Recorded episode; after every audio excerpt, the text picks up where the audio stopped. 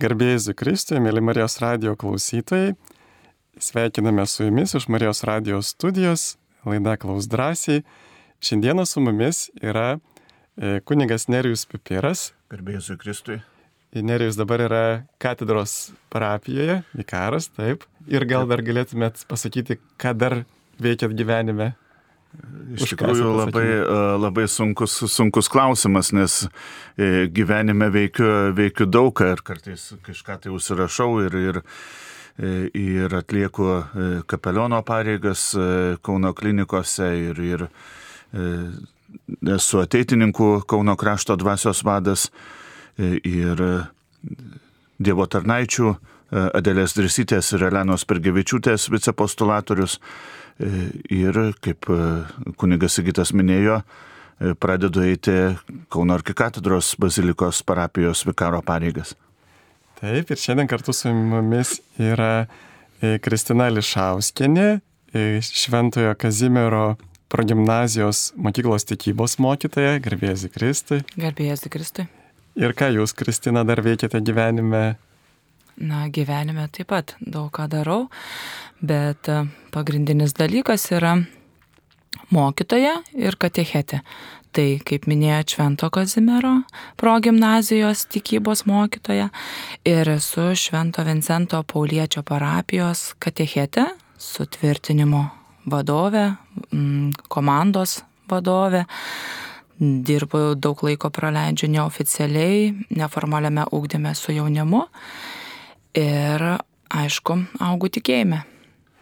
Taip, taigi galėsite, gerbiami klausytojai, ir užduoti klausimus kunigui Nerijui ir apie ligonių selovadą, ir apie šventuosius ir būsimus šventuosius, ir Kristinai ir apie jaunimą, ypatingai apie kaip kalbėti su jaunimu, kaip juos atvesti į tikėjimą, į bažnyčią.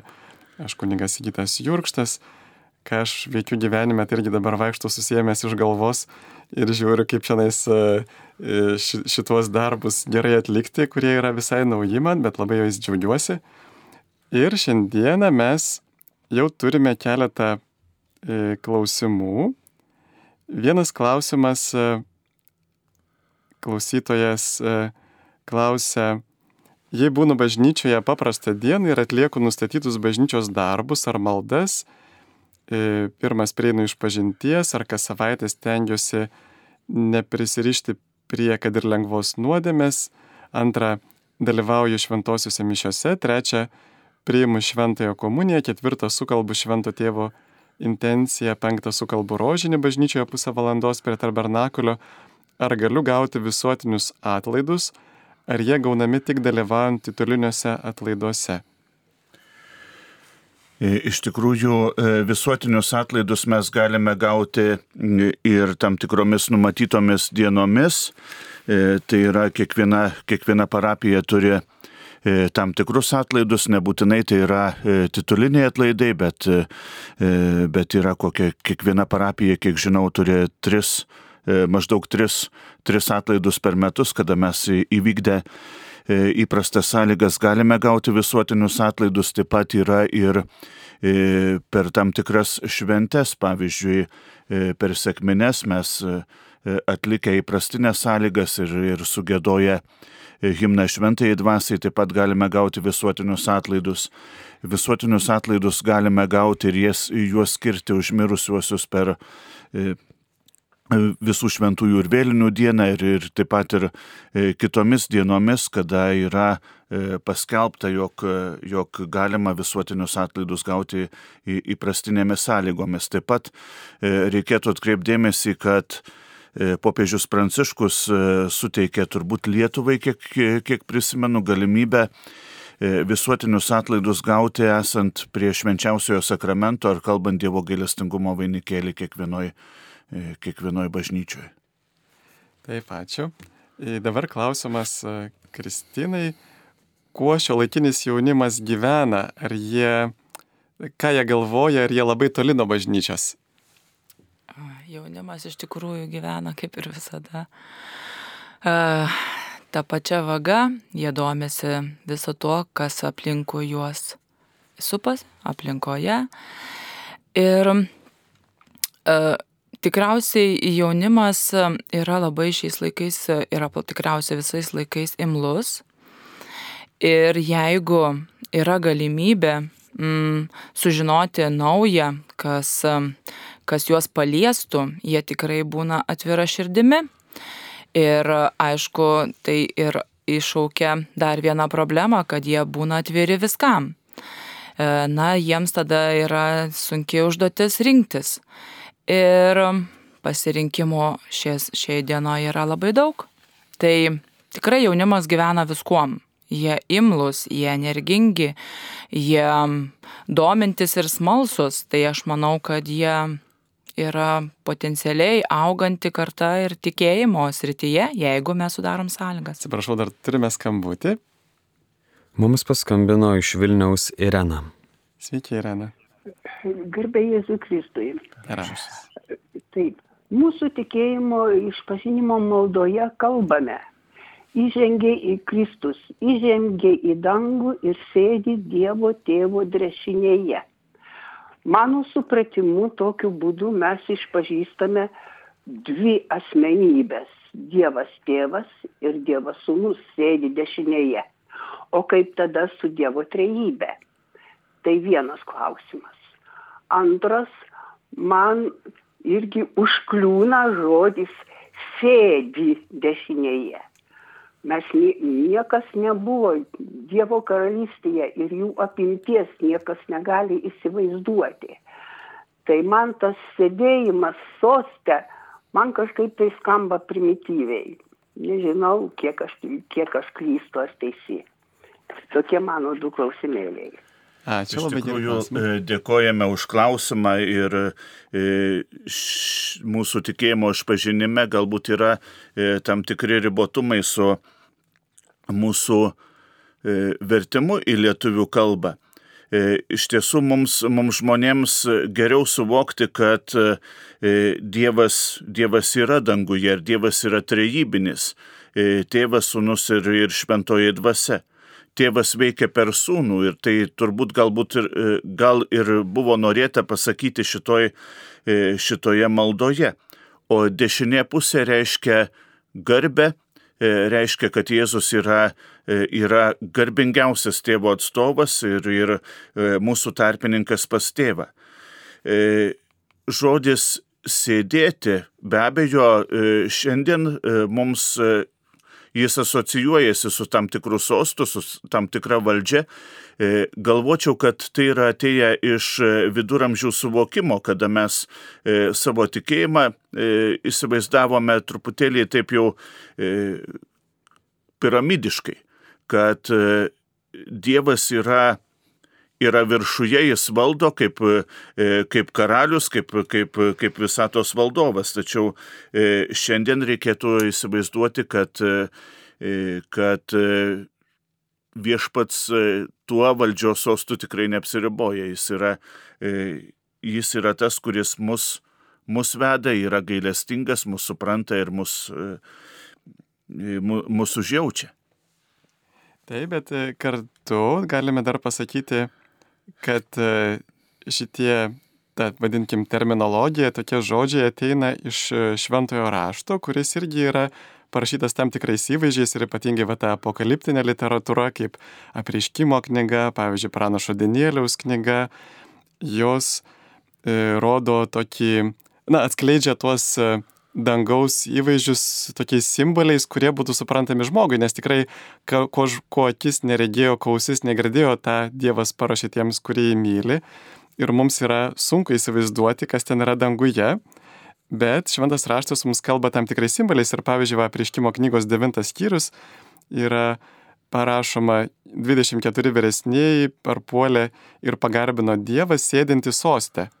Taip, tai, tai va tie simboliai ateina iš švent, paties šventojo rašto.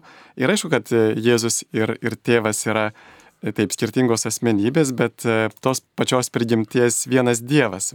Tą mes išpažįstame ir lygiai taip pat ir apie šventąją dvasę toliau sakoma, kad jinai kartu su tėvu ir sunumi garbinama ir šlovinama. Taip pat štai dar vienas toksai klausimas, toj paskaitysiu. Liepos 22 dieną minima Marija Magdalietė, viena iš moterų apaštalių. Kodėl mes ją vadiname apaštalė, apaštalų švent apaštalė? Jeigu e, gerai prisimenu šį e, terminą, Marija Magdalietė įvedė popiežius Pranciškus e, ir visgi sakyčiau, kad jis yra teisus, ne, nepaisant to, kad Marijos Magdalietės nebuvo tarp 12 apaštalų tarp 12 apaštalų, netgi tarp 72 mokinių, tačiau reikia atkreipdėmėsi į, į Evangelijos tekstą, kurį šiandien liturgijoje mes ir skaitom. E, Marija Magdalietė pati pirmoji nubėgo prie kapo, pamatė nuristą akmenį ir atpažino viešpatį. E, ir šita savo patirtimi e, jie, jie dalyjosi su apaštalais. O apaštalavimas ir yra žinia dalintis, nešti žinę. E, ją skleisti, ją skelbti. Taigi e, Marija Magdalietė pirmoji paskelbė apaštalams, netgi apaštalams, e, apie tai, kad Jėzus prisikėlė. Ir jie žmogiškai tariant, atliko patį didžiausią paštalavimo darbą, kurį, kurį ir mes šiandien savo aplinkoje turėtume daryti. Tai būtent todėl ir vadinama, kad ji pirmoji paskelbė apie prisikėlimą paštalams vienas klausytas rašo, kodėl laida vadinasi Klaus drąsiai, klausimai cenzuruojami, juk ne tik smažodžiai vartojami, o gal katalikų bažnyčia kažko labai prisibijo. Tai čia e, galbūt e, tokios priežastys kelios, kodėl ne visus klausimus atsakom. Vienas tai, kad nesuspėjame visų atsakyti. E, antras, galbūt ir į kai kuriuos nežinome atsakymo, dabar staigiai negalim jo atrasti, nors taip gal rečiau dėl šitos priežasties neatsakome. Bet trečia turbūt gal dažniausia priežastis, nes kai kurie žmonės, jie, mes matome, kad pastoviai rašo, pavyzdžiui, vieną laidą po dešimt klausimų ir, ir kiekvieną laidą po dešimt klausimų atsiunčia. Tai mes jau stengiamės, kad būtų įvairesni žmonės užduotų net ne tuos pačius klausimus. Nors suprantama, kad galbūt žmogus ieško na tokio geresnio atsakymo, kad kiti atsakymai jo dar netenkina. Kadangi aš e, tenka dalyvauti jau ne pirmoje laidoje, tai e, ir, irgi pastebiu, kad e, klausimai kartojasi. Ir kiekvieną šeštadienį tas pats, tas pats žmogus užduoda tą patį klausimą ir lyg ir spėjame, lyg ir, lyg ir atrodo, kad tas klausimas yra truputėlį tendencingas. Reiškia, kunigas gerai, gerai atsakys, jeigu atsakys, kaip, kaip aš noriu. E, ir labai da, e, netgi yra tokių klausimų, kurie e, prieštarauja ir bažnyčios mokymui. Ir mes be abejo, Marijos radijas negali, negali skleisti, negali kažkaip tai garsinti tokių, tokių klausimų. Taip, dar vienas klausimas. Kodėl kartais atrodo, kad viskupai vilkina problemų sprendimą?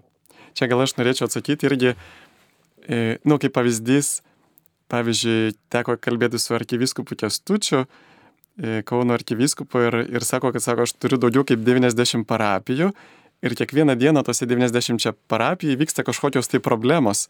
Ir sako, kai viskas tiek daug tų problemų gula ant vieno žmogaus galvos, sako, tiesiog nepaėgi jų visų išspręsti. Ir čia turbūt aš manau dalis tos priež problemos priežasties yra tai, kad mes e, gal dėl toks liko šiek tiek ir iš sovietmečio mąstymas, mes nepaisome subsidiarumo principo, kuris yra krikščioniškas, o sovietmečiu, žinot, viskas buvo, viską kaip valdžia padiktuoja, taip ir būna. O subsidiarumo principas, kur ir bažnyčia jį labai bando įtvirtinti, kad e, e, aukštesnis neturi kištis į žemesniojo tai, ką pats žemesnis gali padaryti. Na, pavyzdžiui, prezidentas negali e, nurodyti švietimo ministro sekretoriui, kokius jam darbus daryti, nes čia jau švietimo ministras organizuoja švietimo ministerijos visokį darbą. Arba, pavyzdžiui, vyskupas negali tvarkyti to, ką ir parapijos referentė galėtų sutvarkyti, taip, arba klebonas.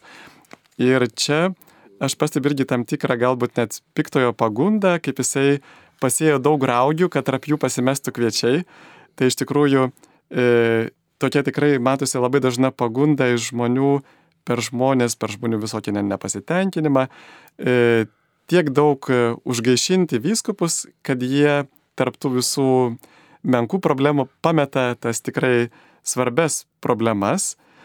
Ir todėl, va, aš irgi labai raginčiau ir klausytojus laikytis to subsidiarumo principą, kad ką gali išspręsti parapijos referentė, nevarginti klebono. Ką gali išspręsti klebonas, nevarginti dėl to dekano. Ką gali išspręsti dekanas, nevarginti vyskupo. Ar jo labiau ir viskas turi ir kanclerius, ir savo sekretorių, nerašyti jam tiesiogiai, bet parašyti į oficialų elektroninį paštą. Tai va štai, jeigu mes to paisytume, tai galbūt tada viskupai turėtų tikrai galimybių ir pajėgumo išspręsti tas tikrai svarbias problemas.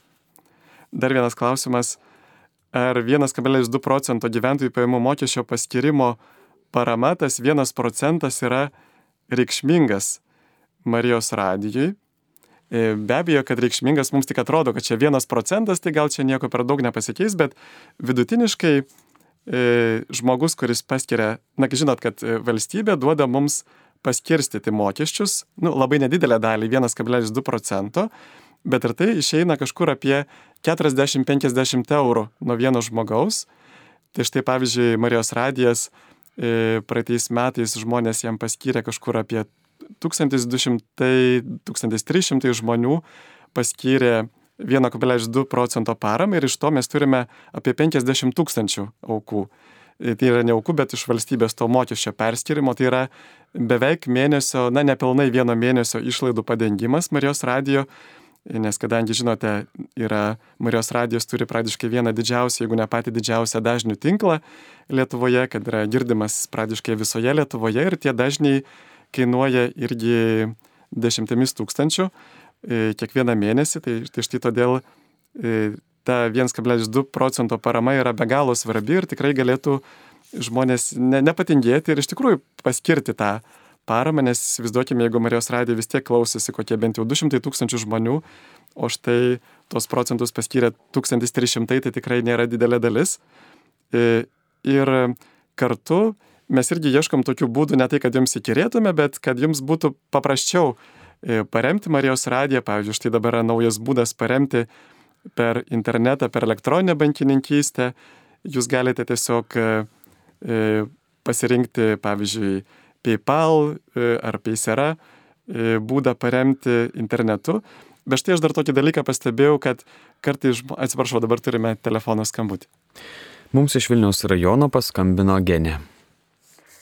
Garbė Jėzui Kristui. Taramžis Genė, taip.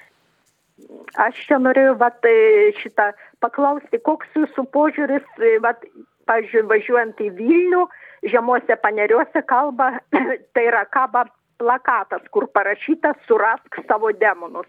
Kodėl mes leidžiame tokiam plakatam kabėti? Ar nereikėtų parašyti surask Jėzų Kristų geriau, o ne demonus? Kodėl taip turi tokius baisius plakatus kabina? Taip. Inžinieriau, gal jūs Na, iš tikrųjų labai, e, labai įdomus klausimas ir, ir nemanau, kad e, ta reklama turėtų, turėjo kažkokį tai e, galbūt negatyvų teks, tikslą. Ir galbūt mums krikščionėms tiesiog patiems savo viduje nereikėtų ieškoti demonų, bet reikėtų E, ieškoti angelų ir, ir tiesiog, e, na, nematytumėm tai, kas yra, e, yra aplinkui. Ir jeigu mes patys angelų ieškosime, tai e, nereikės ir tų tentų kabinti. Taip, ir gal čia, gal Kristina dar turėtumėt kokį? Manau, kad aplinka visada mus išmėgina išbando ir čia yra galimybė mums asmeni, asmeniškai savo gyvenime liudyti. Ir tikrai, kaip kunigas Nerijus sako, pasirinkus savo angelus, savo šventuosius, savo asmeninėme gyvenime, tai liudijant, nemanau, kad reklama daug ką paveiks.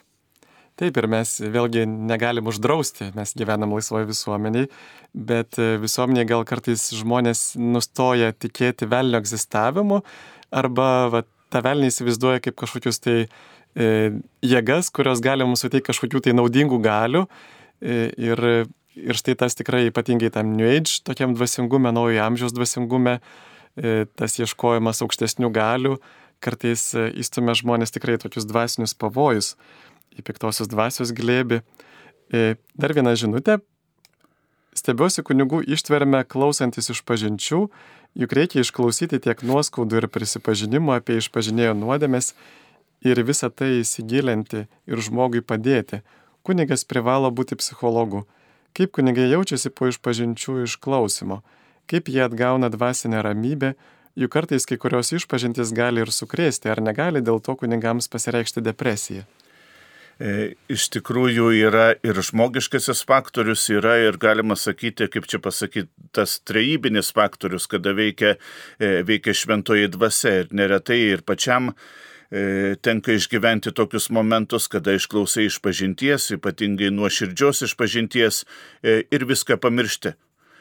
Žmogiškai tai to, to nepaaiškinsi, bet pagal kaip e, šventąją dvasę, pagal e, trejybiškai galima paaiškinti, kad veikia ir šventoji dvasia. Be abejo, kunigas ir pervarksta ir, ir,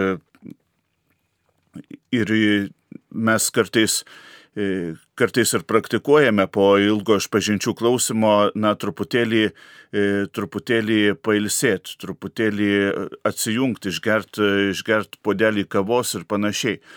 Tai e, iš tikrųjų žmogiškai tas pervargimas yra ir ypatingai e, prieš didžiasias šventes, kada kažkodėl tai mes e, didžioji dalis mūsų katalikų atidėliojame išpažinti kaip kartais net pasakom, ir Velykoms, ne tik tai, kad prieš Velykas, bet ir Velykoms. Ir tada kunigas paprasčiausiai ir jaučia, kad na jau padėtam žmogui žmogiškai nebegali, jau esi pervargęs ir nu, tiesiog prašai, apeliuoji žmonių, žmonių samoningumą, kad e, ateikit gal truputėlį kitų laikų, kada aš e, galėsiu jums skirti laiko, kada galėsiu tikrai, tikrai pagelbėti, o ne, e, ne vien tik tai truputėlį formaliai atkalbėti formulę ir viskas. Taip ir dar pastebėjau, kad nuoširdį išpažintis, ji labai pačiam kunigui labai padeda jeigu žmogus nuoširdžiai stengiasi taisytis, e, ieškoti Dievo, taip pat į kunigą irgi paskatina atsiversti. E, jeigu jis tenais per daug e, detaliai pasakoja kažkokias savo nuodėmės, kartais gali vesti irgi į tam tikrą pagundą, tai nereikėtų taip jau labai su detalėmis pasakoti. Jeigu žmogus, vėlgi, žinot, kaip kartais moteris mėgsta irgi šiaip pasakot visokias detalės, kas ten kur nuėjo, ką padarė, ir kitų nuodėmės, tai tikrai tas irgi išvargina, tai reikėtų išmokti tam tikro tokio glaustumo per išpažinti.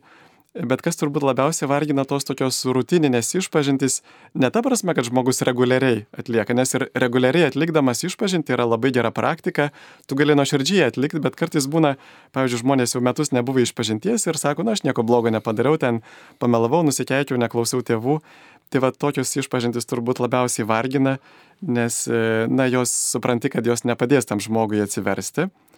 Tai gerbiami klausytojai, jūs girdite laidą Klaus drąsiai. Prie mikrofono aš kuningas Sigitas Jurkštas, šiandien su mumis studijoje yra Kristina Ališauskinė, kuri yra Kauno Švento Kazimiero progymnazijos tikybos mokytoja, kuningas Nerijus Pipiras iš Kauno arkikatedros bazilikos vikaras. E, ir šiandieną mes bandom atsakinėti jūsų klausimus. Štai aš dar vieną norėjau mintį pasakyti apie paramą. E, kartais žmonės taip galvoja, kad, e, na štai aš dabar šiuo metu negaliu daug paskirti, paukot Marijos radijų, gal kada nors kitais metais kokį šimtą eurų paukosiu.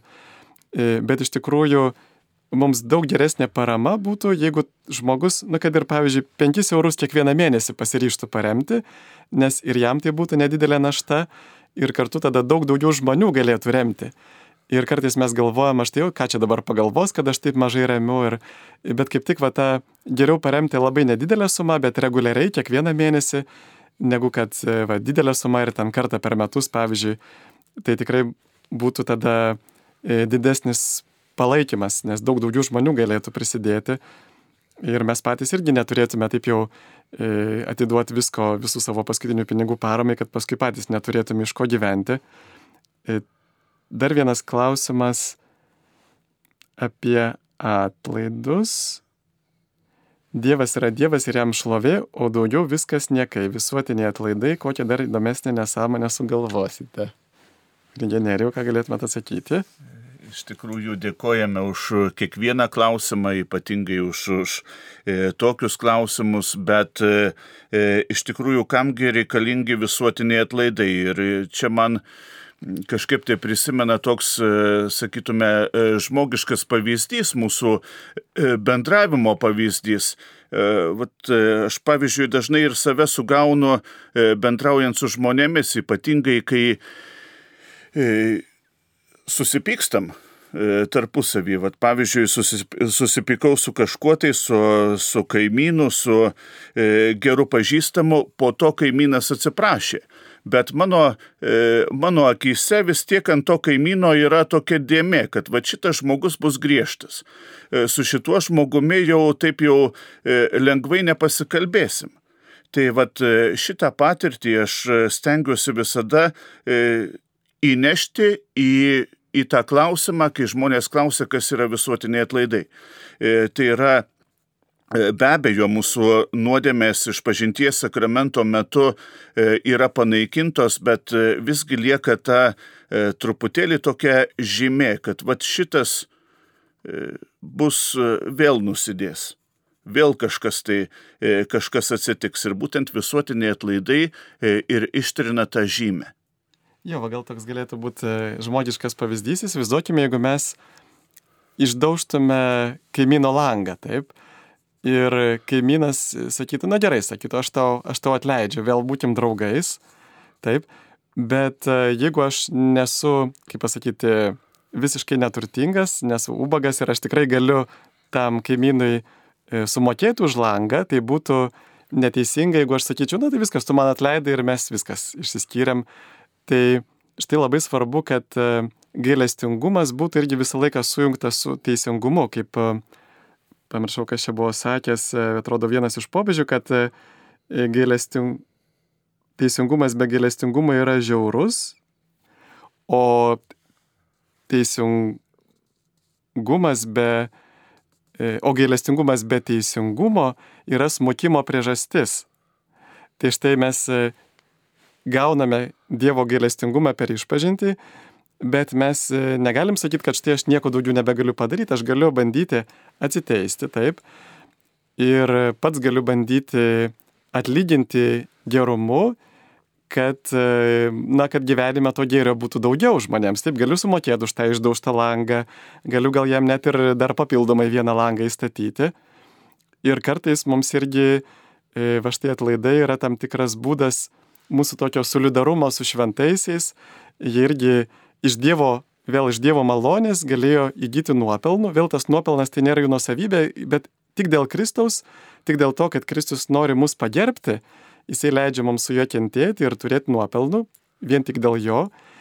Ir štai bažnyčia, jinai gali naudotis tuo šventųjų lobynu, taip ir mes irgi galim na, kaip pavyzdys, vad, žmogiškas būtų, taip galbūt būtų kažkoks solidarumo fondas kaimynui, kaimynų, kad štai jeigu kažkam išdaužė langą, tai galbūt iš to solidarumo fondo irgi galime dalį lėšų padengti.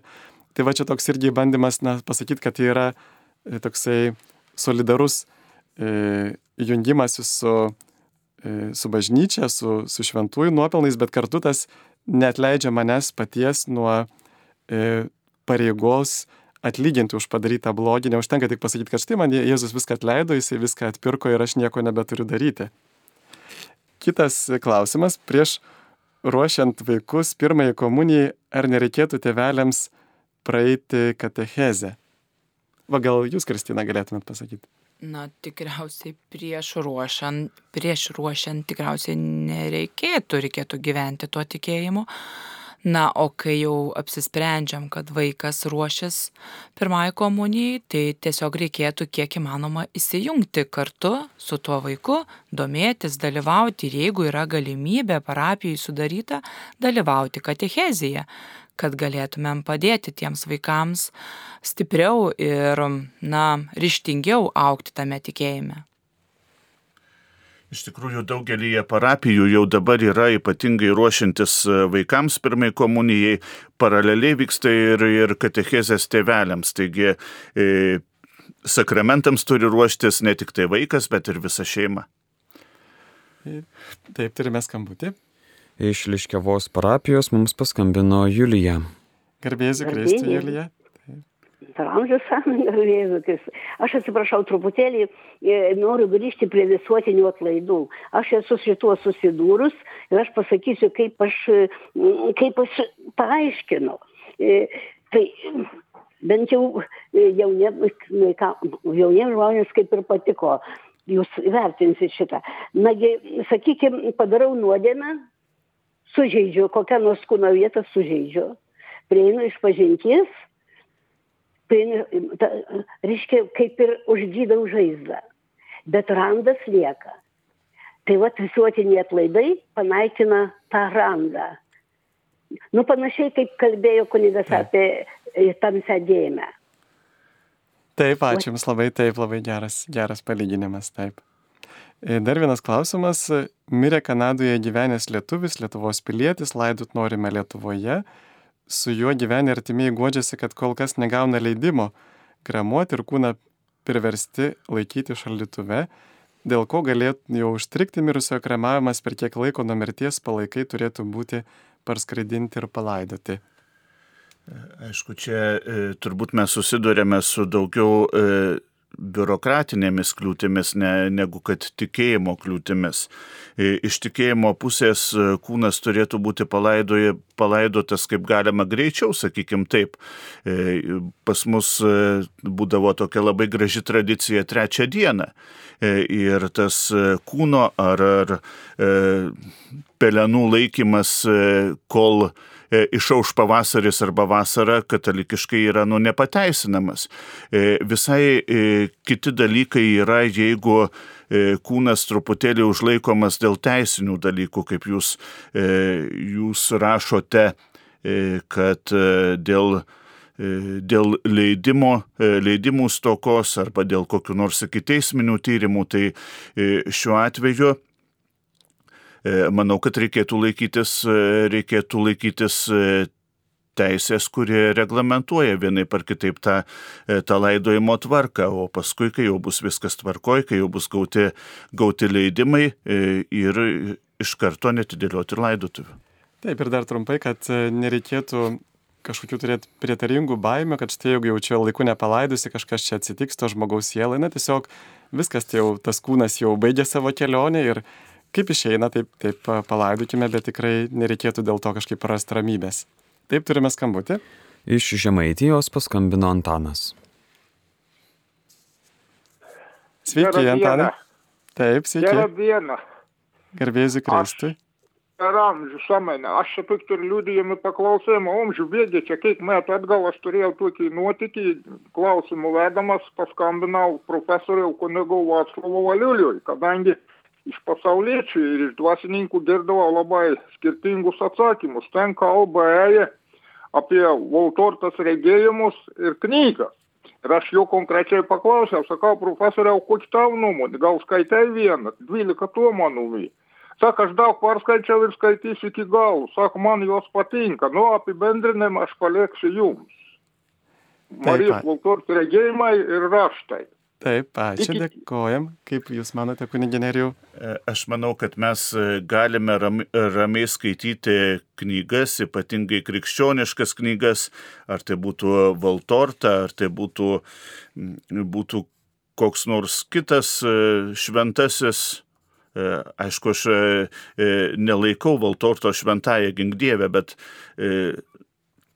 Bet ar mes kokius šventųjų raštus, šventosios teresėlės raštus ar kokią kitą krikščionišką literatūrą mes turim ir galim skaityti, e, bet e, mūsų pagrindinės knygos yra dvi, tai yra šventasis raštas e, ir katekizmas. Nepamirškim ir šitų knygų.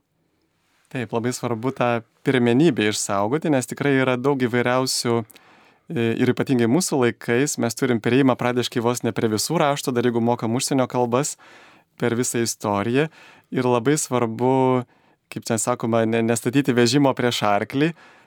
Jeigu mes skaitome, pavyzdžiui, Valtortos raštus po to, kai jau tikrai pakankamai esam tą dieną perskaitę Biblijos, tai galbūt ir tai yra gerai, jeigu tai ugdo mūsų tikėjimą, bet ko turėtume saugotis, tai būtent tų dviejų dalykų, kad padėti Bibliją į stalčių ir pradėti dabar ieškoti visokių papildomų e, iš smalsumo galbūt net regėjimo detalių, nes tikrai yra daug ir netikrų dalykų.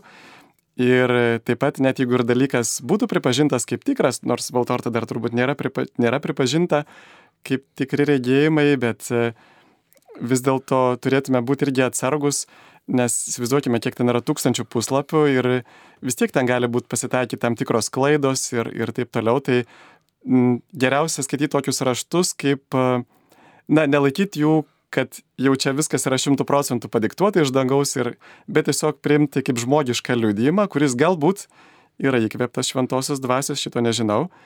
E, čia, kiek žinau, dar su Medžiugorė yra kažkiek susiję šitas klausimas, nes e, Medžiugorės regėtojai yra klausę, anot jų mergelės Marijos, ar verta skaityti Valtortos raštus ir anot jų, kad mergelė Marija sakiusi, kad tai yra geras skaitinys, tai vėlgi mes neturim ir Medžiugorės e, įvykių pripažinimo, nors leidžiama ten vykti. Tai kitaip sakant, pirmoji vietoje tikrai labai svarbu kiekvieną dieną skaityti Bibliją, net jeigu mes ją esame perskaitę, nes, va, kaip pavyzdžiui, Šventoji Teresėlė sakydavo, kad aš labai mėgstu skaityti Evangelijas, nes kiekvieną kartą atrandu vis kažką naujo tenais. Turime skambutį. Mums iš Kupiškio paskambino Lina. Taip, klausome. Garbėjai Kristai. Per amžius. Norėčiau apie klusnumą pasisakyti. Čia praeitoje laidoje buvo užsiminta, kaip turėtų reguliuoti savo santykius pranašaujantieji su e, apaštlais, kurie už juos yra hierarchijos požiūrių sostų aukščiau. Tai manau, kad viena taisyklė turėtų e, apaštlas vadovautis. E, Negesinkite dvasios, neniekinkite pranašavimu. Nes pranašaujantysis, kai ateina pas apaštalą, jisai ateina jau klusnus Dievui, kadangi jisai klausosi jo žodžio. Jis yra jau ištirtas ir patikrintas, kadangi remiasi e, tuo, kas jau ištirta, patvirtinta bažnyčios, patikrinta, tai yra Dievo žodžiu, šventųjų liūdėjimais ir išbandyti jo tikrai nereikėtų. Kai jūs, jis šitaip aiškiai parodo, su kokia dvasia jis ateina, dar jam pasakyti, kad tu ten pasimels, gal tau praeis šitą charizmą ir, ir panašiai, ir taip jį bandyti ir bandyti klusnumu iki, iki mirties, kol jis numirs, ir taip ir neleisti jam e, kalbėti. Ir iš tikrųjų tai turi tirti klusnumą, ne paštalas pranašaujančiojo bet pranašaujantysis apaštalo, žiūrėti, ar jis klausys Dievo, kalbančio į, į jį per pranašą. Va. O, o dabar labai norėčiau, žinokit, pataisyti klaidą, kurią padarė praeitoje, praeitoje laidoje mane komenduodamas kunigas Linas Šipavičius. Jisai pateikė tris ištraukas iš šventojo rašto, kuriuose jo nuomonė apaštuos Paulius išvardino charizmas pagal svarbumą bet skirtingai. Ir jis parodė apaštalą paulių esantį nenuoseklų o iš tikrųjų dabar aš jau sakau apaštalas paulius yra buvo nuoseklus. Dviejose iš tų ištraukų jisai tiktai pateikė įvairovę.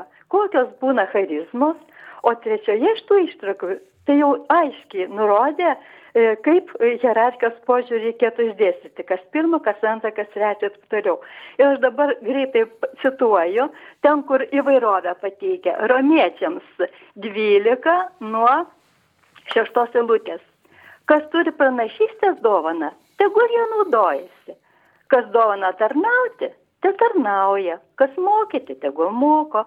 Kas paraginti, tegul ragina. Kas dovana šelpti, tegul šelpia dosniai ir taip toliau kita ištrauka, kur įvairovė pateikiama charizmų, yra iš e, pirmojo laiško korintiečiams, 12 skyrius, nuo 8 eilutės.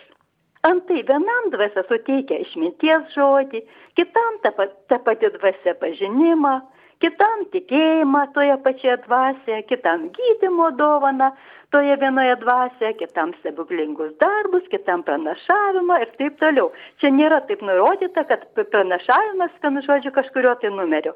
Na ir trečioje vietoje, tame pačiame laiške, e, pirmajame laiške korintiečiams, e, labai aiškiai jau įvardyjama.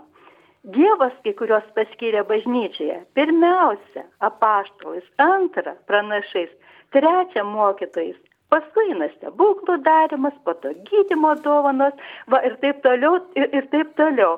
Na ir dabar labai norėčiau dar pasakyti apie... E, jau, ačiū, atsiprašom, jau užtenka, dėkojame Jums. Taip. Aš irgi norėčiau tik taip padėkoti už tuos, tuos visus pastebėjimus ir, ir mums e, reikėtų atkreipti dėmesį, kad kartais mes e, galim būti pranašaudami, galim būti teisesni net už patį Dievą. E, ir mums labai rūpė pataisyti paštalus, pataisyti paštalą Paulių, pataisyti dar kažką, tai liktai, kad mūsų E, mūsų nuomonė, mūsų, mūsų pasakymas yra geresni negu jų. E, neužkipkim, neužkipkim ant šito kabliuko, nes pavyzdžiui, Senajame testamente juk yra rašoma ir apie bloguosius pranašus, e, kurie atstovauja ne ne Dievą, bet, bet kitas, kitas jėgas, o kitos jėgos taip pat veikia, veikia labai labai subtiliai. Tai iš tikrųjų galbūt reikėtų klausyti popiežiaus, bet nebūti išmintingesniems už, už popiežių ir šventąją dvasę. Taip, gal Kristina, ką nors galėtume pakomentuoti? Iš tikrųjų, tikėjimo augime yra labai svarbus atvirumas.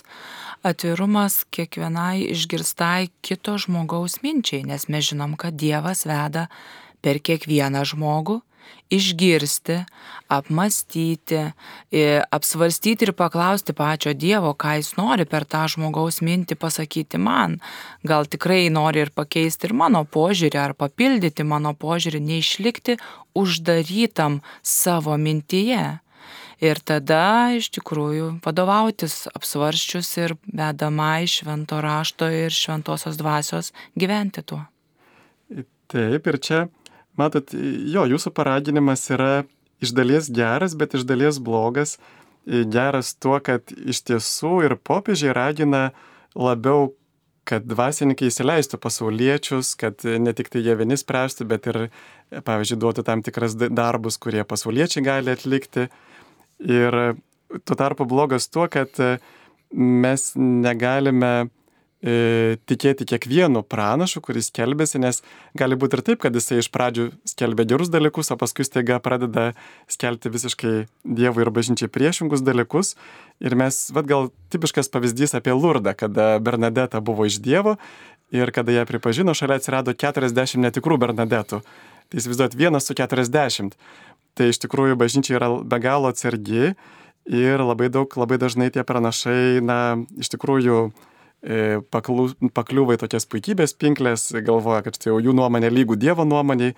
E, o štai matome net Biblijoje, pavyzdžiui, net koks nors karalius Dovydas, jisai arba koks karalius Saliamonas, nors jiems Dievas kalbėjo, bet Dievas jiems e, neapsireiškė asmeniškai ir neparodė jų pačių klaidų ir leido jiems daryti jų pačių klaidas, kurias jie patys galėjo suprasti.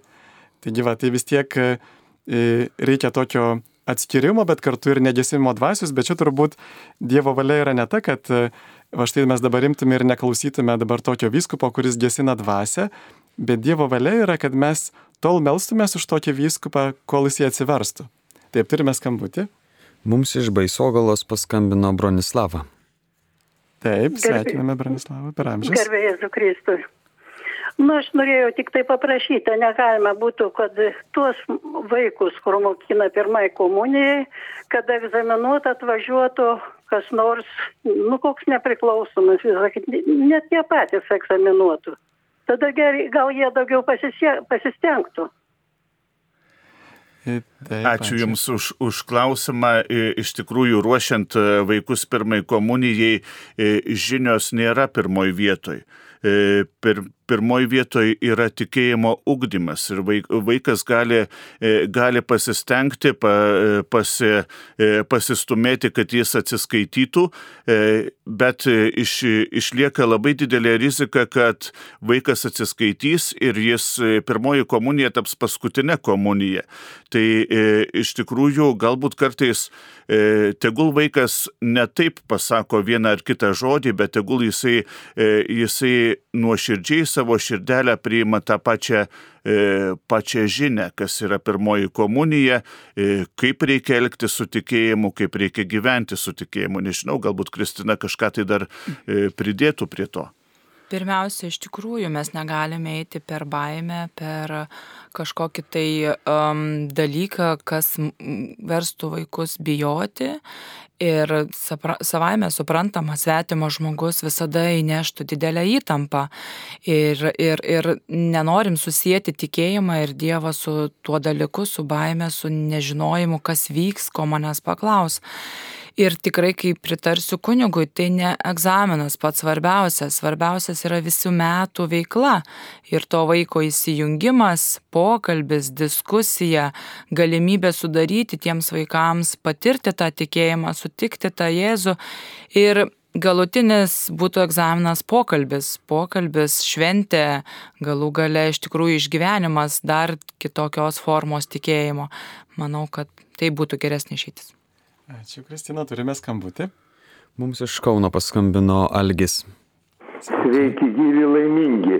Sveiki. Aš jumis norėjau paklausti, galėsim, kad liaudė yra šnekame, kad tas žmogus yra duše.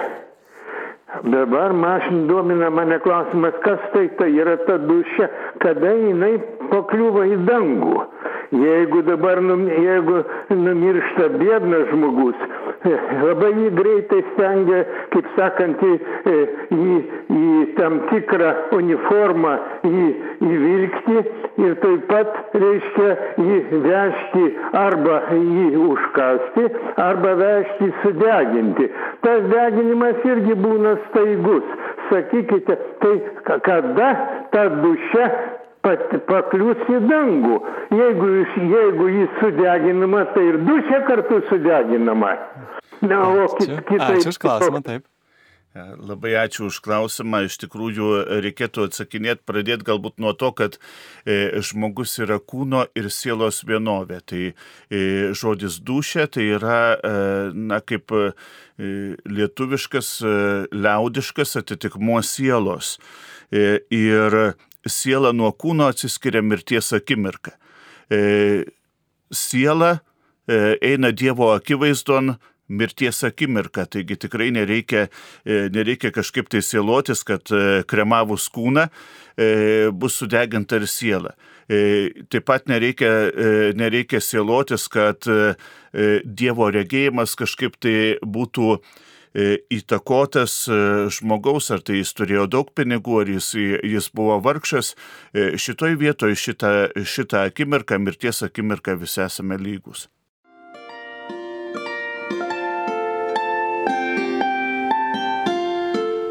Jūs girdite Marijos radiją.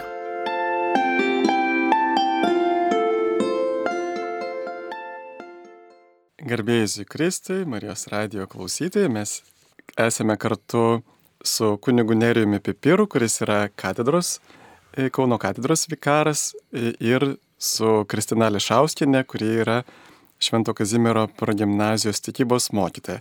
Taigi, Kristina, jums toks klausimas pagal profesiją, kokios sąsajos tikybos pamokų ir katechetinio ruošimo sakramentams ar tikybos pamokose neturėtų būti daugiau praktikos, bažnyčios lankymo, maldos ir taip toliau? Geras klausimas. Taip, tikrai. Ačiū labai už klausimą. Labai aktualus klausimas ir aišku, kad labai platus klausimas. Sąsajos visada turi būti, aišku, reikalingos su e, parapinė katecheze ir tikybos pamokomis. Na, bet turėtumėm šiek tiek ir e, suprasti tą skirtumą kad e, mokykloje švietimas, ūkdymo įstaiga ar ne, mes iš tikrųjų darome vaikams kvietimą, supažindinimą, na, pritarimą parapijos e, metodams ir katechezėms. Ir iš tikrųjų pagal galimybės mokyklos ir įsitraukia į aktyvesnį tą išgyvenimą tikėjimo. Tiek pat, pavyzdžiui, mūsų progymnazijoje yra galimybė kiekvieną mėnesį turėti bent vienai klasiai šventas mišes, mes turime koplyčią. Žinau, kad krikščioniškose gimnazijose yra galimybė ir rekolekcijos aktyviai išgyventi tą tikėjimą. Taip pat kiekvienoje daugumoje mokyklų, gimnazijų yra sudarytos sąlygos neformaliame ugdyme galime tą tikėjimą gyvai išgyventi, sudalyvauti ir nuvažiuoti ir susipažinti su įvairiausiomis tikėjimo organizacijomis įstaigomis, kad tą tikėjimą galėtumėm auginti stipriau. Taigi tai visa tai vyksta Na ir aišku, kad ir tikybos mokytojai su katechetais visada stengiasi bendradarbiauti, mes turim savo metodinį centrą ir visada keliame klausimus, kiek galima mes vieni kitus palaikant į tai įsijungti. Ir tai tiesiog priklauso nuo galimybių, nuo parapijos, nuo mokyklos ir nuo vaikų pačių atvirumo. Na, aš gal dar truputėlį pridėsiu. E, kartais e, mes įsivaizduojam, kad mokykla turi ruošti vis, e, viskam. Ir mokyklos atsakomybė mes uždedam viską. Tai norisi pirmiausia iš kaip kunigo perspektyvos pareikšti užuojautą mokyklai. Juk, o juk tikėjimą turi ugdyti pirmiausia šeima.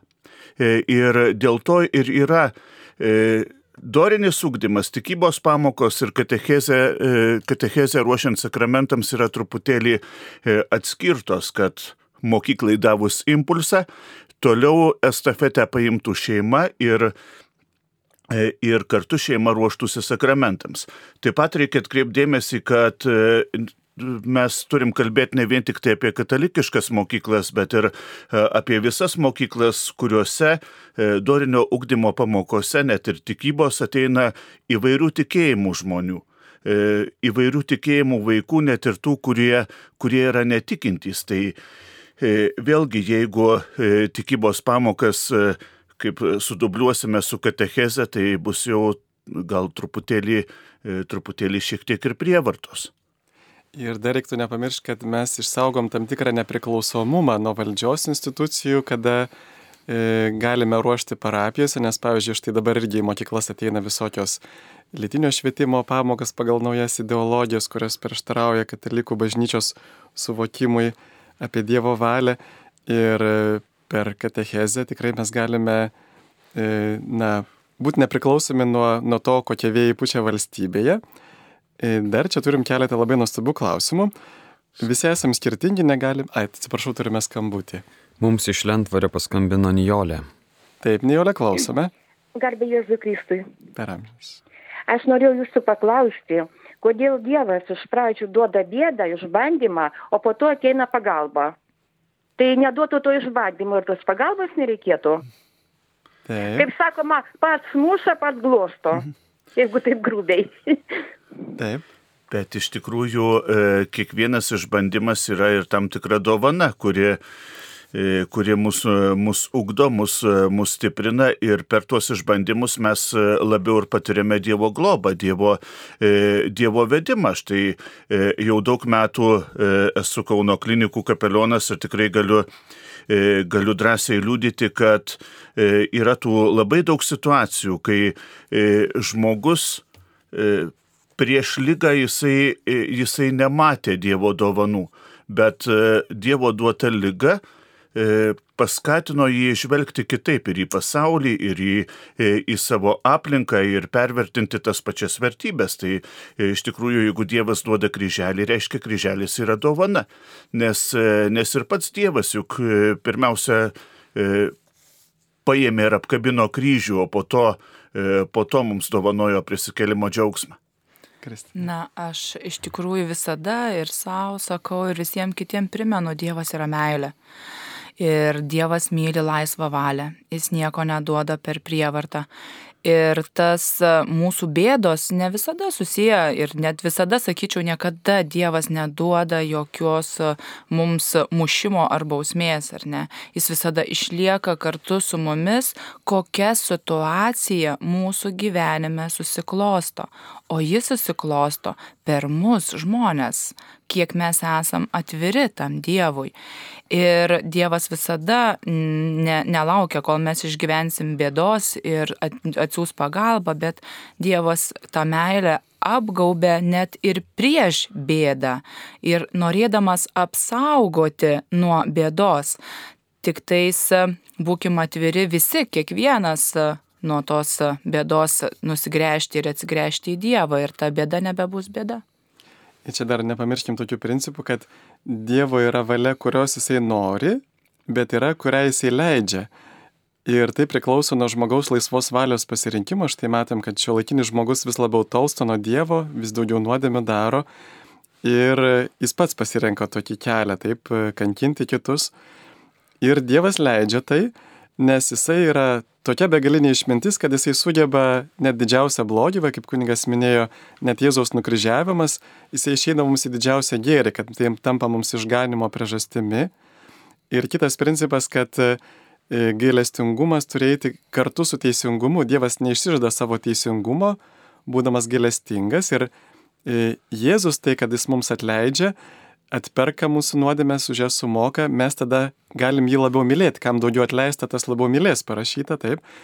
Ir Dievas gali tam, kad norėtų mus pagerbti amžinybėje, kartais ir mus paprašo irgi sumokėti už kitų skolas Dievo teisingumui, kartais nukesti tam tikrą kančią ir jeigu mes ją su meilė priimam, va kaip Paulius sako, kad jeigu neturėčiau meilės, bet atiduočiau savo kūną, sudeginti nieko nelaimėčiau. Vadinasi, jeigu turėčiau meilę, galėčiau laimėti kažką, kad mes savo kūnę papildom, e, ko dar trūksta Jėzaus vargams dėl jo kūno, kuris yra bažnyčia.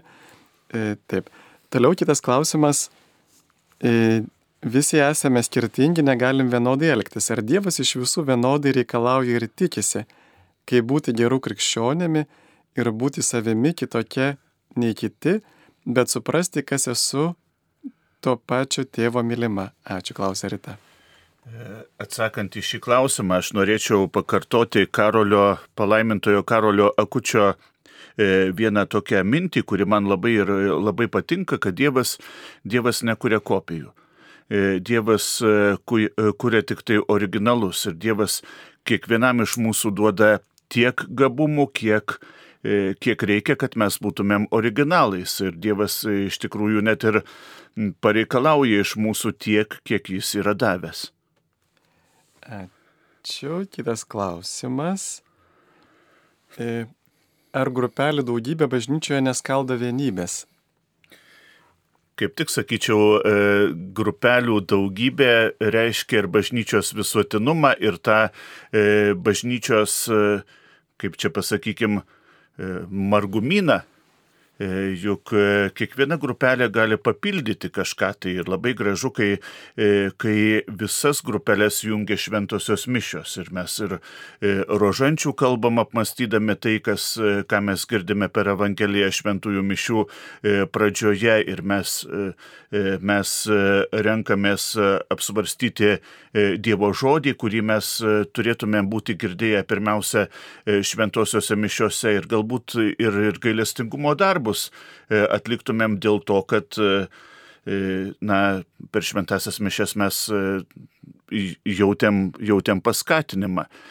Juk ir pačioj bažnyčios istorijos pradžioj būdavo dalinamasi tomis gerybėmis, kurios, kurios liko nuo bendro susirinkimo, nuo bendro, bendro, taip sakant, stalo, bendro Euharistijos šventimo. Taigi kaip tik parapijos gyvumą ir simbolizuoja ir išreiškia tą, e, tą grupelių gausą, kurių, kurių šaknys, veiklos šaknys yra šventos mišios. Tikrai taip, mesgi esam kiekvienas skirtingas ir kuo parapijoje yra daugybė pasirinkimo įvairaus, tuo mes esame atviresni visuomenė ir tuo kiekvienas didesnę galimybę turi įsitraukti į tą parapiją. Tik labai svarbu yra atlikti parapijos vadybą ir tikrai na, įsivertinti, ar visos grupelės turi bendrą vieną tikslą - eiti ne į savo kažkokį tai šlovę pasirodymą, bet į bendrą tikslą einant artėjant prie Jėzaus ir tada viskas bus gerai. Taip, kitas klausimas. Mano nuomonė, atleidimas, atleisti negali būti sėtina su abejingumu, su prisitaikėliškumu, su baime. Mano nuomonė, nereikia užsisiklinti keršte, neapykantoje, reikia atleisti ir paleisti, bet nereikia pamiršti, kad ir teisės saugos struktūros yra iš Dievo ne tik kunigai. Kaip jūs kunigai dalyvaujantis laidoje, elgiatės, jei jūsų akivaizdoje vyksta pažeidimas ar net galimai nusikalstama veika. Dėkoju už sažiningus atsakymus ir nepamirškime, kad viskas visada vyksta Dievo akivaizdoje. E, aš tai manyčiau, kad mes atleidimo turime kas kart, kas kart mokytis ir tėvė mūsų maldoji, juk mes ir turim įtin atsakingai tarti tą, tą žodį atleisk mums, kaip ir mes atleidžiame. Šiandien laidoje norėtųsi padėkoti mūsų teisės saugos institucijoms ir, ir kiekvienam teisės saugos darbuotojui Aš asmeniškai, jeigu taip jau e, prašėte, kad, kad atsakyčiau labai, e, labai nuoširdžiai, tą teisės saugos institucijų darbą vertinu kaip, kaip pedagogiką. Žmogus kažką tai, kažką tai padaręs e, nelabai gero, po tam tikro impulso jis gali pradėti keistis. Ir, ir tikrai kalbant truputėlį iš, e, iš bažnyč, e, bažnyčios pusės, tas, e, tas smūgis iš institucijų gali būti smūgis į teisingą kelią. Taip, turime skambutį, bet aš dar štai norėjau trumpai pabaigti, kad jeigu pastebiu nuodėmę, ar, nu, ne nuodėmę, bet pastebiu nusikaltimą jau, tai jeigu tai yra, pavyzdžiui, iš pažinties metu, tai kunigas jis neturi teisės niekam pranešti, kad tai ir būtų pats baisiausias nusikaltimas, nes kitaip žmonės bijotų priimti Dievo atleidimą, bet jisai gali per atgailą paskirti tokią atgailą, kad, pavyzdžiui, žmogus pats prisipažintų policijai, pavyzdžiui, taip, arba atlygintų žalą. Antras dalykas, jeigu e, aš neturiu įrodymų, yra labai sunku irgi, kad tai būtų veiksminga. Va, pavyzdžiui, aš e, tikrai e, turėjau duomenų apie kelis nusikaltimus, aš pranešiau policijai, bet pritruko įrodymų ir nusikaltėliai nebuvo nuteisti. Ir e, todėl kartais ir patys žmonės, kurie patiria tuos e, neteisybės, jie per dažnai bijo laiku kreiptis, nepateikia įrodymų ir tada nusikaltėliai prasprūsta. Tai iš tikrųjų mes turėtume e, nebijoti surinkti įrodymų. Tai mes turime skambutį. Mums iš Vilniaus paskambino Marija. Taip, Marija, klausom. Garbėjai Kristui. Pirmiausia, dėkoju šitam dėtui jums direktoriu už tai, kad jūs kažkaip man labai įdomiai vedate ir labai atsakinėjate. Toliau noriu pasakyti ačiū dėl šitos giesmės interpretacijos, kurią atliko e, galestingumo šventovė. Aš ten dažnai nueinu ir ten aukštas lygis yra šito ansamblio. Labai labai dėkoju. Aš esu pati pasirinkusi vardą Magdalena. O mamytė jau tą Mariją, kadangi aš jau gimiau tą Marijos 14 rugsėjo. Toliau, noriu šiek tiek pasakyti apie tas moteris, kurios amžinai kažkur tai kaltina Dievą, ten kažkur ieško, neranda. Aš iš vaikystės buvau auklėjama ir bitė mano per karą pako, jinai 90 dienų. Aš tą turiu tikėjimą stiprų, stiprų. Toliau, aš kiek tai ir galvoju, aš pati per savo naivumą kartais atrodo užsidedu kryželį, kartais galbūt ir padarai klaidų ir visa kita.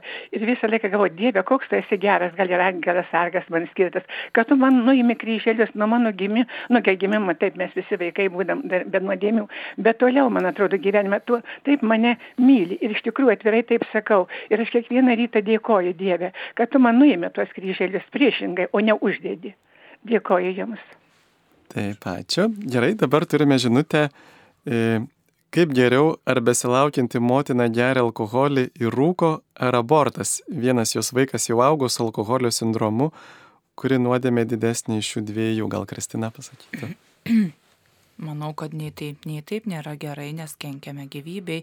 Ir um, tikriausiai reikėtų čia apeliuoti į žmogaus sąžinę, na ir tikriausiai situaciją Bet e, vienareikšmiškai tą klausimą galiu paprastai atsakyti, kad e, e, abortas niekada nebus išeitis, tai yra tikrai, na, žudimas gyvybės.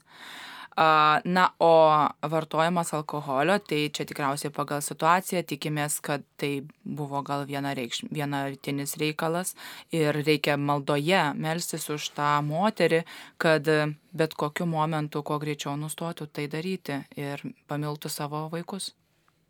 Taip, dar vienas klausimas. Paskutinės vakarienės metu Jėzus padavė kasnį judui ir juda įėjo šetonas, kaip tai suprasti, bet šitą atsakysim po skambučio. Taip, klausomės. Mums iš Kauno paskambino Davilė. Taip, Davilė, klausom. Sveiki visi, Kristui. Peramžės. Klausimas toks. E, turiu e, sužadėtuvių žiedą, kurį mama rekomendavo pašventinti. Ir kaip tik tai buvo m, trijų karalių iškilmė, šventino aukštą myrą. Ir aš pašventinau tą žiedą su intencija, nu, kad viskas būtų laimingai ir gerai vardant šventojo santokos sakramento. Ir dabar įvyko skirybos ne, aš nebuvau ištekėjus, bet tiesiog e, sužadėtų. Ir man yra antiek sunku, kad aš nu, keturi metai ir aš nebegaliu nu, nieko, netgi to žiedo laikyti ir kadangi jis yra pašventintas, nežinau kaip su juo elgtis. Taip, Iš tikrųjų, e, pašventinti daiktai, pašventinti žiedai dar, dar negarantuoja mūsų, e, mūsų šeimos, šeimos tvarumo. E, pašventinti daiktai reiškia, kad, kad Dievas mus, mus gali globoti ir mus, mus užtarti. Taigi tikrai tikrai e, nesureikšminkit vat, to, to žiedo pašventinimo. Per sužadėtuvės, e, sužadėtuvės dar, dar nereiškia santokos sakramento. E, kita vertus, kaip reikėtų elgtis su pašventintais daiktais, tai jokių būdų negalima jų kaip nors, kaip nors išmesti, kaip nors paniekinti. Šiaip paprastai pašventinti daiktai yra, yra sudeginami. Tai bet, bet iš tikrųjų tas pašventintas, pašventintas daiktas gali reikšti ir, ir Dievo vedimą. Tai jeigu jau vienos sužadėtuvės neįvyko, tai galbūt kitos įvyks. Taip ir galbūt tiesiog galėtumėt, jeigu ten tas žiedas nėra kažkoks asmeninis, juk turbūt nebūtų problema, jeigu galėtumėt ir kažkam padovanoti ar parduoti. E, taip pat yra klausimas apie tą minutėlę. A, štai apie paskutinės vakarienės metu Jėzus padavė kasnį judui, judai šetonas, kaip tai suprasti? Aš manau, kad e, šetonas įeina tada, kada mes kažką tai pasirenkame negatyviai. E, taip pat šventajame rašte yra parašyta, kad prieš, prieš paskutinę vakarienę e, Judas Iskarijotas jau buvo apsisprendęs, kad parodysiu tą, parodysiu tą mokytoją, kad man, man reikalingi 30 sidabrinių ir, ir na, paskutinės vakarienės e, momentas tai yra momentas, kada prasidėjo visi šitie, e, visi šitie įvykiai ir išdavystė ir atpirkimas. Taip, ir dar reikėtų prisiminti, kad tai yra e, mokymas apie šventvagiškai komunijos prieimimą. Kada mes priimam komuniją su sunkia nuodėme, tai mes dar vieną sunkia nuodėmę padarome.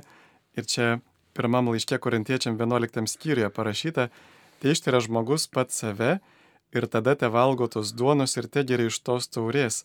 Kas valgo ir geria to kūno nepaisydamas, tas valgo ir geria savo pasmerkimą, todėl tarp jūsų daug silpnų bei lygotų ir nemažo užmigusio. Jei mes patys savęs paisytume, tai nebūtume teisiami, o kai viešpats mus teisė, tai ir pabaudžia, kad nebūtume pasmerkti kartu su pasauliu. Aš prisimenu tokį atvejį per išpažinti, kada e, viena, vienas žmogus e, gyveno nesantokoje ir e, prašė išrišimo, bet aš to išrišimo nedaviau ir pasakiau, kad negalite priimti komunijos, bet jinai vis tiek prieėmė tą komuniją. Tai čia irgi toks kartais, na, žmogus kažkaip kartais gal ieško savo teisų, bet iš tikrųjų gali padaryti ir sunkia nuodėme. Tai mes turime irgi labai kaip čia pasakyti, nebijoti Jėzaus gerumo, bet vis dėlto rimtai žiūrėti į savo nuodėmės prieš eidami komunijos. Turime tikrai nuoširdžiai atsiprašyti, stengtis nedaryti nuodėmę, nes mes prisertiname ne šiaip su prie duonos gabalėlio, prie kalėdaičio, bet prie paties švenčiausioje viešpaties. Ir turime patys būti, na kaip čia pasakyti, ne tai, kad jau tobuli savo gyvenime, bet kad turime būti atsižadėję blogio, nes Dievas ir blogis yra nesuderinami. E, kitas klausimas. E, Tuoj minutėlę.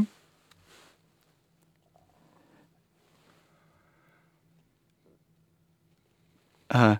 Kodėl katalikų bažnyčia moko pirmos komunijos vaikus, juk vaikai nesugeba pasirinkti, kokį tikėjimą jiems priimti, tegul subręstas žmogus ir pasirenka savo bažnyčią, o ne tą, kuri per prievartą įperšama. E, iš tikrųjų, e, katalikų bažnyčia ragina, kad e, tikėjimą perduotų šeimos. Ir koks šeimos tikėjimas, toks yra ir vaikų tikėjimas papras, e, paprastai. E, pirmai komunijai pradedame ruošti maždaug nuo devynerių dešimties metų, kada žmogus jau, e, jau ir pats pradeda skirti gerį nuo blogio arba kalėdaitį nuo, nuo, nuo Kristaus kūno. Ir be abejo, tai yra tik tai paskata eiti gilin ir pačiam, pačiam žmogui apsispręsti, koks, kokia mano krikščioniškoji kelionė bus, e, bus toliau. E, jeigu mes e, taip jau atidėsime Krikšto sakramentą, sutvirtinimo sakramentą, kitus sakramentus, reiškia, mes, mes net, netliksime savo kaip krikščionių, kaip Kristaus apaštalų funkcijos. Ir visų pirmiausia, turim nepamiršti, kad pirma komunija niekada nėra prievarta. Bažnyčia kviečia, prašo, sudaro sąlygas, bet šeima atveda vaiką ir jie turi kartu susėsti, nuspręsti, ar jie jau apsisprendė aukti tame tikėjime, ar jie nori gal tiesiog išgirsti ir palyginti, gali diskutuoti su tikybos mokytoja, ar jiems anksti, ar vėliau prieiti, ar ne, ruoštis. Iš tikrųjų viskas yra dialogo formoje ir prievartos nėra.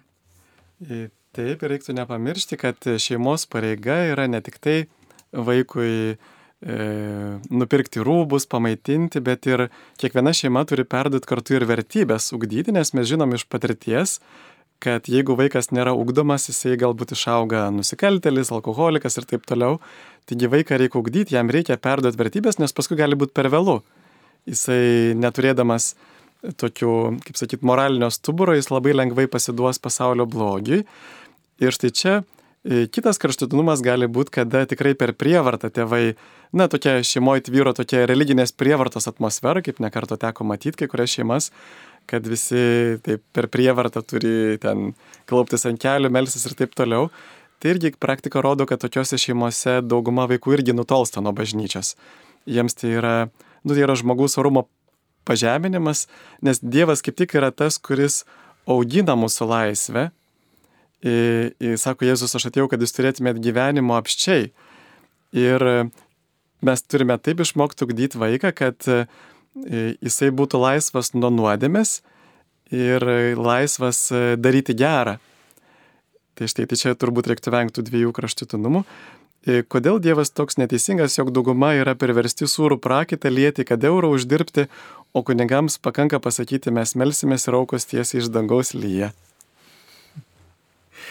Na, ar e, aukos tiesiai iš dangaus lyja, tai tikrai turbūt, e, turbūt ne. E, šiandien nei Sigitas, nei aš neatsinešėm skėčių nuo šitų aukų. Iš tikrųjų, dar pradžioje pradžios knygos, e, knygoje yra parašyta, kad darbo, e, darbo prakaitų valgysi savo duoną, užsidirbsi savo duonos. Negalima sakyti, kad kunigo darbas yra tik tai, tik tai sėdėti bažnyčioj, paklausyti iš pažinčių karts nuo karto, paukoti kokias šventasias mišes ir pasimti rinkliavą. Kunigas kaip jau nekartą ir šitoj laidoje yra minėta, vad pavyzdžiui, e, aš atlieku dar penkias funkcijas. E, ir taip pat kunigas, e, kunigas ateina ir į mokyklą, būdavo parapijų ir dabar galbūt yra, kada kunigas atlieka ir katechezės, katecheto pareigas ir, ir eina į mokyklą. Labai dažnai kunigas turi pats nusipjauti žolę aplink šventorių, kad bažnyčia, bažnyčia būtų graži.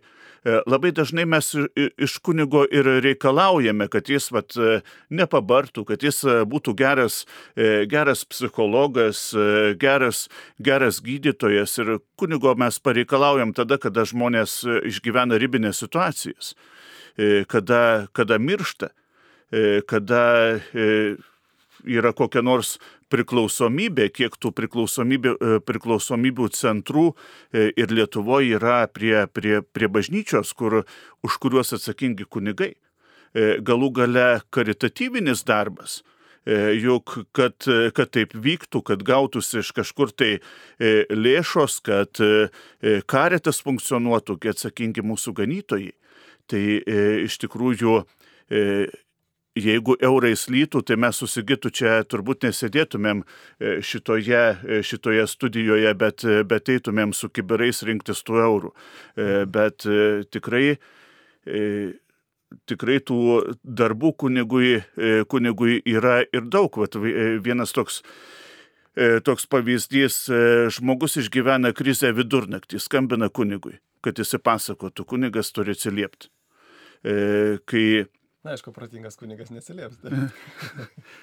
Na, bet vis tiek, kartais ir tos, e, tos išpažintys, mes e, esame įpratę išpažinti atlikti formaliai, 20 sekundžių, viskas tvarkoj, e, bet iš tikrųjų, jeigu žmogus išgyvena problemą, tai išpažintis gali trukti ir valandą, ar net 3 valandas. Ir kunigas turi, turi surasti laiko. Ir už išpažinti tikrai eurai nebėra.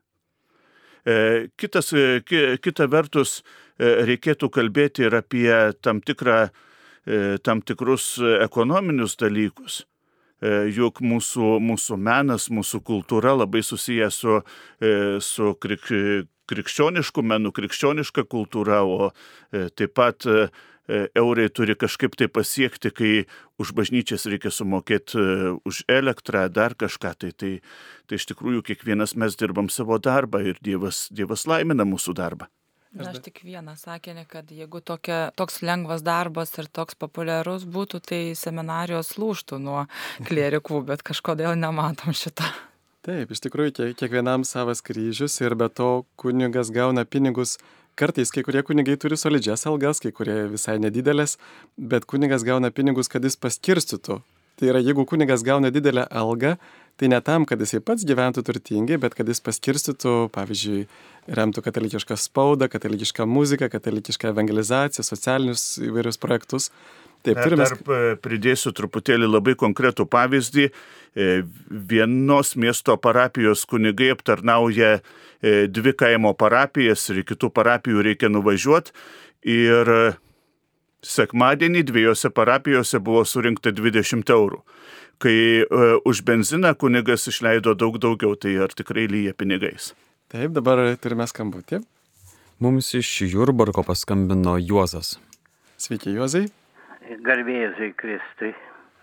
Norėčiau paklausti, kodėl laidojant žmogų numirus e, per šarvonės arba laidojant kapuose arba net po šventų mišių gedulingų užmirusį visuomet giedama arba kalbama maldelė viešpaties angelas. Man atrodo, tai yra džiaugsmo malda, jokio gedulo ten nėra. Ten viešpaties angelas apreiškė Marijai, kad ji pagimdys mūsų išganytoje. Ir, ir taip toliau.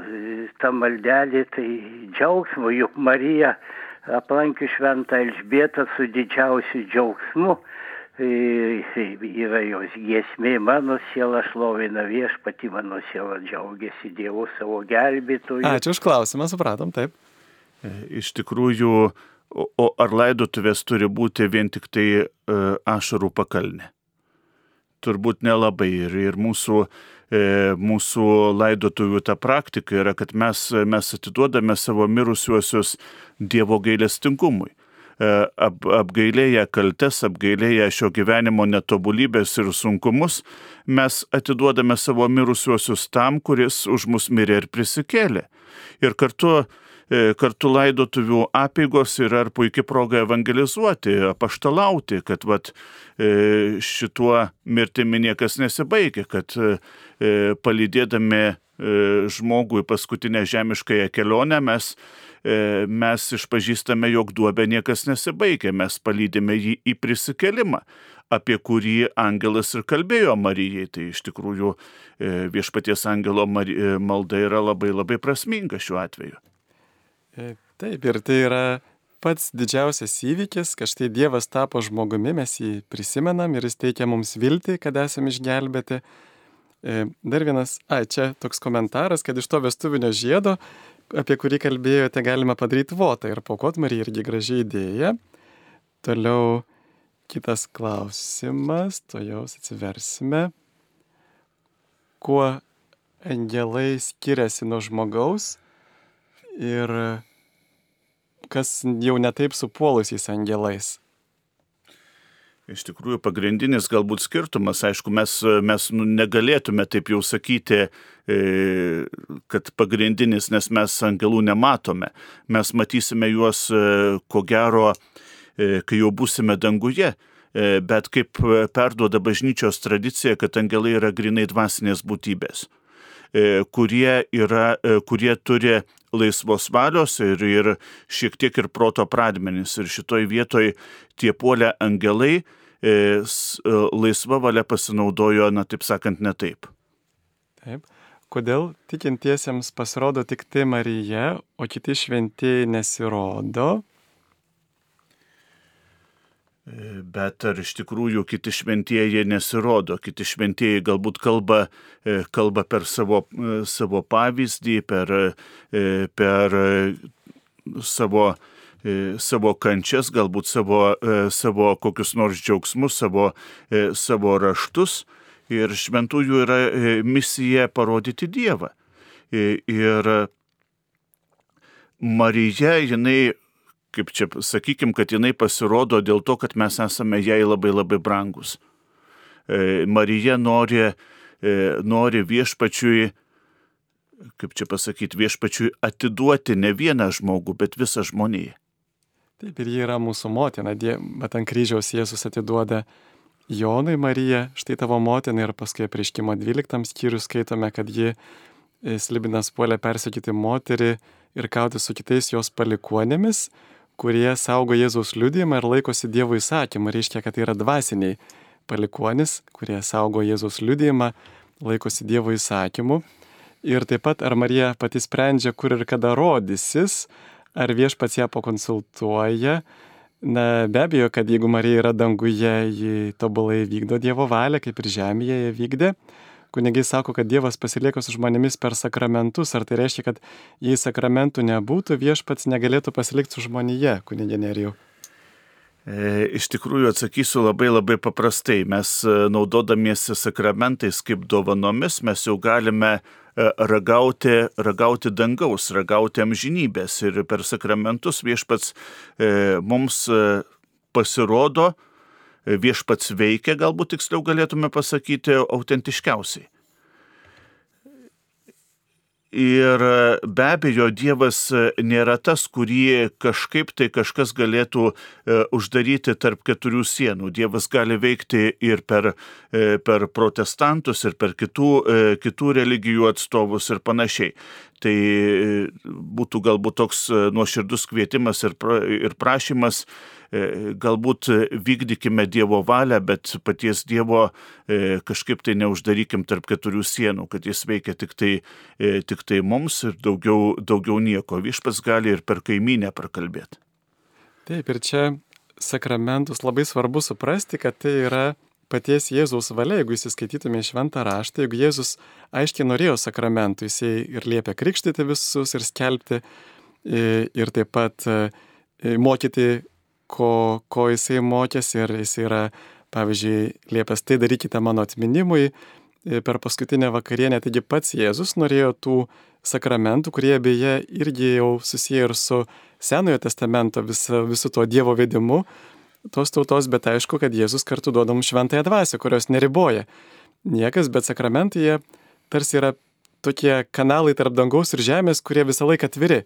Va štai jeigu aš prieinu iš pažinties aš visą laiką turiu tą pažadą, kaip Jėzus davė galę mokiniams, sako, kam atleisite nuodėmės, tiem bus atleistos, kam sulaikysite sulaikytos, arba kad jeigu ateinu į bažnyčią, tai Jėzus ten pasilieka tame e, duonos pavydalais ir yra pasaulyje vykę keli šimtai Euharistijos stebuklų, kurie net mūsų laikais, e, kai kurie iš jų yra labai stipriai mokslininkų tyrinėti, kur staiga vat iš duonos atsiranda tikra žmogaus širdis ir mes niekaip kitaip negalim to paaiškinti, Vėlgi tai neprimetama, bet tai padeda stiprinti mūsų tikėjimą, kad Dievas veikia per sakramentus, bet aišku, kad ne tik per juos.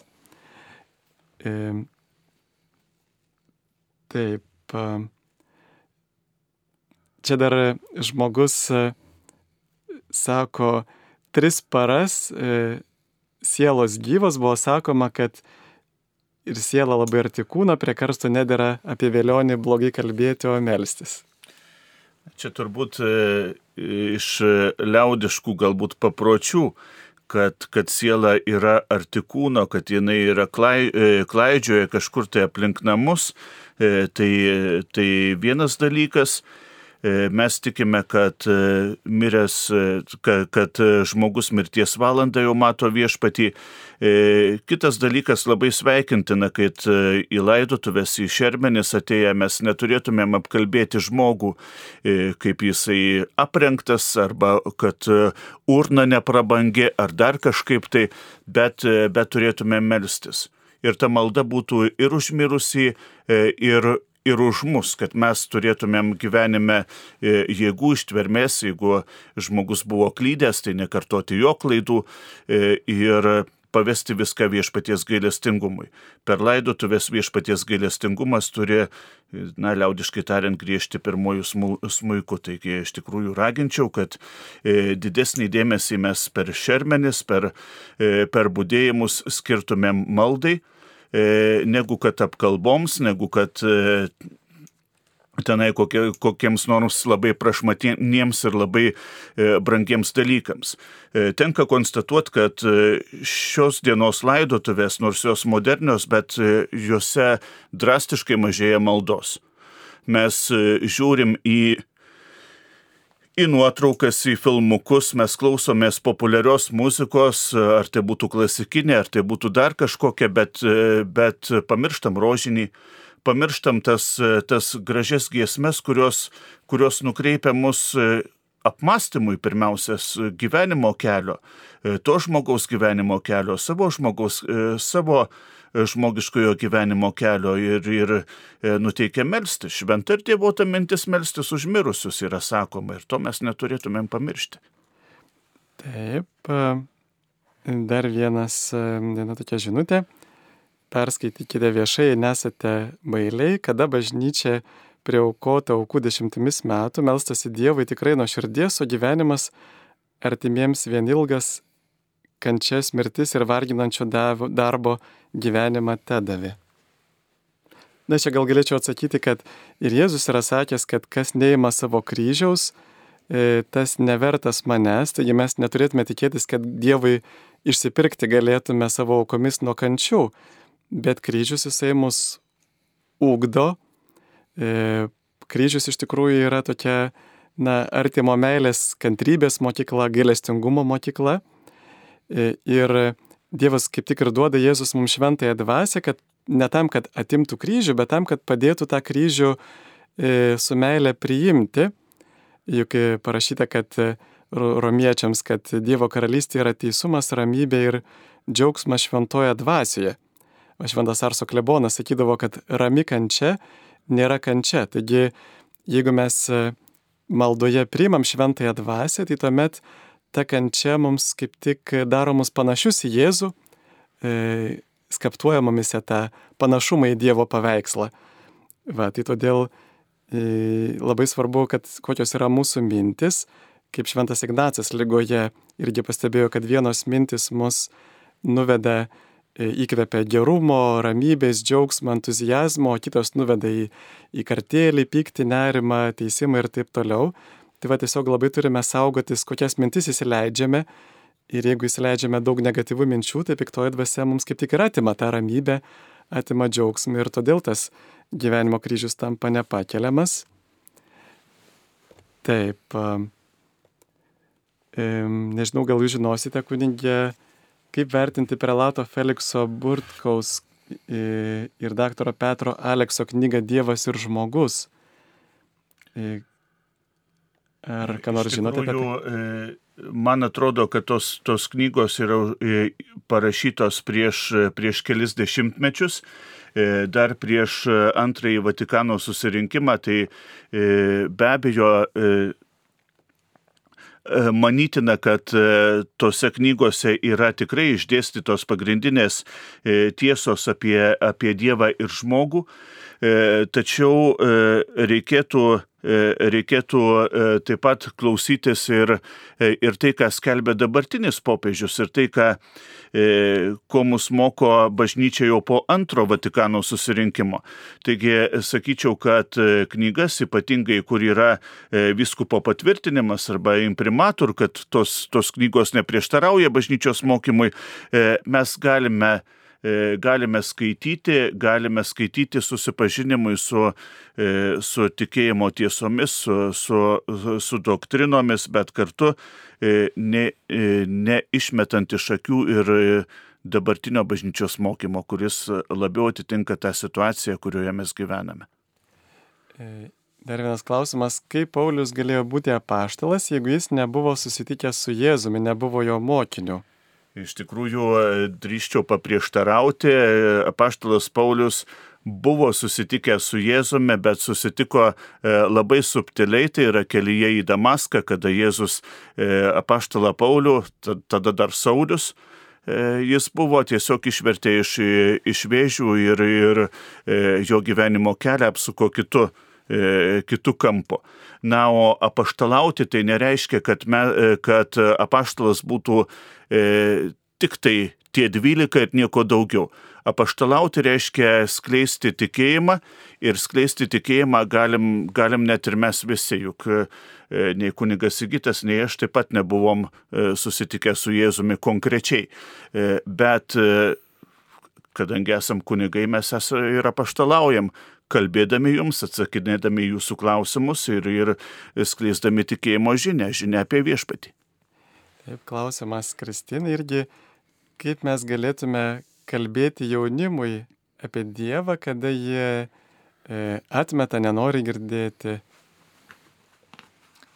Taip, e, klausimas tikrai subtilus. Pirmiausia, tikriausiai reikia atkreipti dėmesį, jeigu jaunimas atmeta, reikėtų iš tikrųjų eiti į diskusiją, į įsigilinimą ir supratimą to jaunuolio, kas atsitiko, kodėl jis atmeta tą tikėjimą. Ir tada antroje eilėje tikriausiai reikėtų kreipti dėmesį į santyki, santyki su tuo jaunuoliu. E, nes iš tikrųjų tikėjimas neauga pavieniui individualiai viename gyvenime, neužsidarome, mes augame bendruomeniai. Ir man asmeniškai labiausiai padeda prakalbinti jaunuolį, su juo bendraujant, randant ir pažįstant jį vis giliau, kas jam patinka, kas jį taip sužeidė, kad jį gazdina Dievas ar, ar uždaro kažkurias tai duris link Dievo. Ir tada per tą santyki prieinant, parodant, kad iš tikrųjų yra saugi aplinka, jaunimas atveria širdį ir tikrai a, išdrįsta atverti širdį Dievui, a, išdrįsta ryštis į tą tikėjimo kelionę, į atradimo tą kelionę. Nenorėkime tą tikėjimą pastatyti per vieną dieną. Pirmiausia, sukuriam saugią aplinką, antra, parodom, kad Dievas yra meilė, o trečia, keliaujame kartu su juo per tą tikėjimą. Čia turime skam... A, nebeturime skambučio. Gal jūs, kuniginė, jau dar pridėtumėt Taip, gerai, tada kitas klausimas. Ar sielos po mirties eina Dievo akivaizdo, ar laukia paskutinio teismo mėgodamas amžinų miegu? Ačiū. Aš manyčiau, kad į šitą klausimą jau mes e, per šią laidą atsakėme. E, tačiau e, papildant reikėtų kalbėti apie tai, kad tiek mūsų bažnyčios tradicija, tiek, tiek katekizmas kalba apie du teismus. Tai yra pirmiausia, Dievo akivaizdoje žmogus patiria asmeninį teismą, asmeninę Dievo, dievo akivaizdą, o paskutinysis teismas bus, kai kaž, kažkas iš dėstytojų turbūt yra pasakęs, kada visiems mirusiesiems prisikėlus bus tariamas galutinis žodis. Taip, ačiū. Klausimas mokytojai Kristinai, ar didėja ar mažėja šiuo metu pasirenkančiųjų tikybą mokyklose? Na, tai čia yra klausimas e, skirtingas kiekvienai mokyklai. Ir iš tikrųjų gal tiesiog priimčiau kaip bendrą žvilgsnį, ar, didėja, ar didėja mm, moksleivių arba jaunuolių arba vaikų arba galų galia ir suaugusių jų žvilgsnis į Dievą. E, iš tikrųjų yra reikalas tai, kad visada visiems visus domino klausimas apie Dievą, ar jis yra ar nėra. Tik tais m, negalėčiau Atsiprašom, pasakyti. Atrodo, kad turime skambutį, Mhm. taip. Mums iš Kauno paskambino Ona. Taip, Onute, klausom. Labą dieną. Norėčiau paklausti du klausimus tokius. Sakykit, prašau, kai, jeigu vaikai gyvena užsienyje ir aš turiu visą atsinešu per Velykas šventę be vandens, ar aš galiu nuvažiavus pas juos pašventinti jų namus, nu kaip pasakyti, ar, ar čia būtų nuodėmė? Tai vienas klausimas. Ir antras klausimas. Kai keliaujam, pavyzdžiui, kad ir Graikijoje ten yra, užeini į kažkokius vienuolynus, ir, pavyzdžiui, ten, kad ir Romoje yra tiesios keliai, yra visokių tų atvaizdėlių, nu, šventų su Marija, ten dar, ir juos nusipirkus parsivežus. Juos reikia pašventinti ir ar galima juos pašventinti ir laikyti na- namuose kaip pašventintus. Tai būtų labai ačiū Jums ir geros dienos. Iš tikrųjų, atsakant į pirmąjį klausimą, tai e, prisimenu Evangelijos pasakymą, būkite gudrus kaip žalčiai ir, ir e, neklastingi kaip balandžiai. E, be abejo, mes galime nusivežti švesto vandens ir, ir, ir e, atlikti kažką tai melstis, bet reikėtų žiūrėti, ar mes tų žmonių nepapiktinsim. Juk kartais, kartais yra mūsų dabartinėje visuomenėje, kada mažėja tas pilietiškumas arba mes daromės pasaulio piliečiais, e, juk neretai ir tos, tos šeimos, na, truputėlį yra kitokios, katalikas, e, kad katalikiškoje pusėje tuokėsi su e, su kitų religijų išpažinėjais, tai reikėtų, reikėtų žiūrėti, ar mes nepapiktinsim tų žmonių, ar mes ne- neįvelsim į konfliktus ir į, dar didesnius, e, didesnius e, nesusipratimus. E, Be abejo, e, atsakant į antrąjį, e, antrąją klausimo dalį, be abejo, mes galime keliaudami Graikijoje ar, ar kur nors kitur nusipirkti ir paveikslėlių, ikonų. Man asmeniškai ikonos labai patinka. Tai yra krikščioniškas menas, be abejo, jas galime pasišventinti, bet labai svarbu, kad tie pašventinti dalykai, paveikslai, e, rožiniai, škapleriai, dar kažkas tai e, mums būtų ne tik tai, kad, e, na, pasikabinau paveikslą, nes man gražu, e, bet kad, e, e, kad tai bū, pasitarnautų mūsų maldai ir mūsų krikščioniškam gyvenimui. Taip, ačiū. Ir aišku, galite paprašyti, kad kunigas pašventintų ir ypatingai per atlaidus, kai dabar daug įvairiausių atlaidų vasarą, kad nereiktų specialiai varginti kunigo. Tai ką, mes jau laidą baigėme. Su mumis šiandien buvo Kristina Lišauskinė, Kauno Šventojo Kazimiero progymnazijos tikybos mokytoja ir kunigas Nerijus Papiras, e, Kauno arkikatedros vikaras ir aš kunigas Sigitas Jurkštas. Ir Linkime geros Dievo palaimintos dienos ir ačiū visiems klaususiems sudė. Sudė.